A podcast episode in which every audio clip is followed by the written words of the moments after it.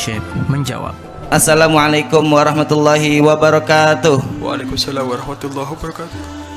Afwan Abah, izin bertanya. Ada seorang wanita ditinggal mati oleh suaminya. Dia masih mas masih masa iddah, tapi menikah lagi. Tentunya dosa dan haram. Pertanyaannya, sah tidak pernikahannya Abah? Syukron. Baik, menikah di saat masa iddah tidak sah, terjadi perzinaan. Ya, terjadi perzina, perzinahan tidak sah. Selesaikan dulu masa iddahnya baru nanti halal, boleh dinikah, dinikahin. Ya, tidak sah pernikahan dalam masa iddah. Apakah dicerai mati atau dicerai bia biasa? Selesaikan dulu masa iddah itu masa itu masa penanti penantian kalau cerai biasa berapa tiga kali sucian. Head suci satu. Head suci dua. Head suci tiga. Nah tiga kali sucian ini baru habis.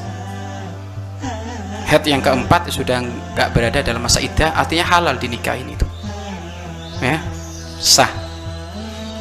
Kalau cerai karena mati 4 bulan 10 hari. Iddahnya 4 bulan 10 hari jangan ngikuti masa iddah orang kampung yang didasari keawaman. Bikin hari iddah dewek. Berapa masa iddah 60 hari katanya. Ini kan bikin sendiri. Ada yang 40 hari lu kayak orang kematian. Ya kan? 40 hari. Enggak. Masa iddah orang yang meninggal biasa tiga kali sucian.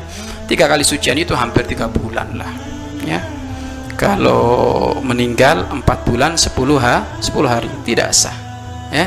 Jangan mengambil wilayah pernikahan yang tidak sah maka terjadi perzinaan. Allah marah Allah murka.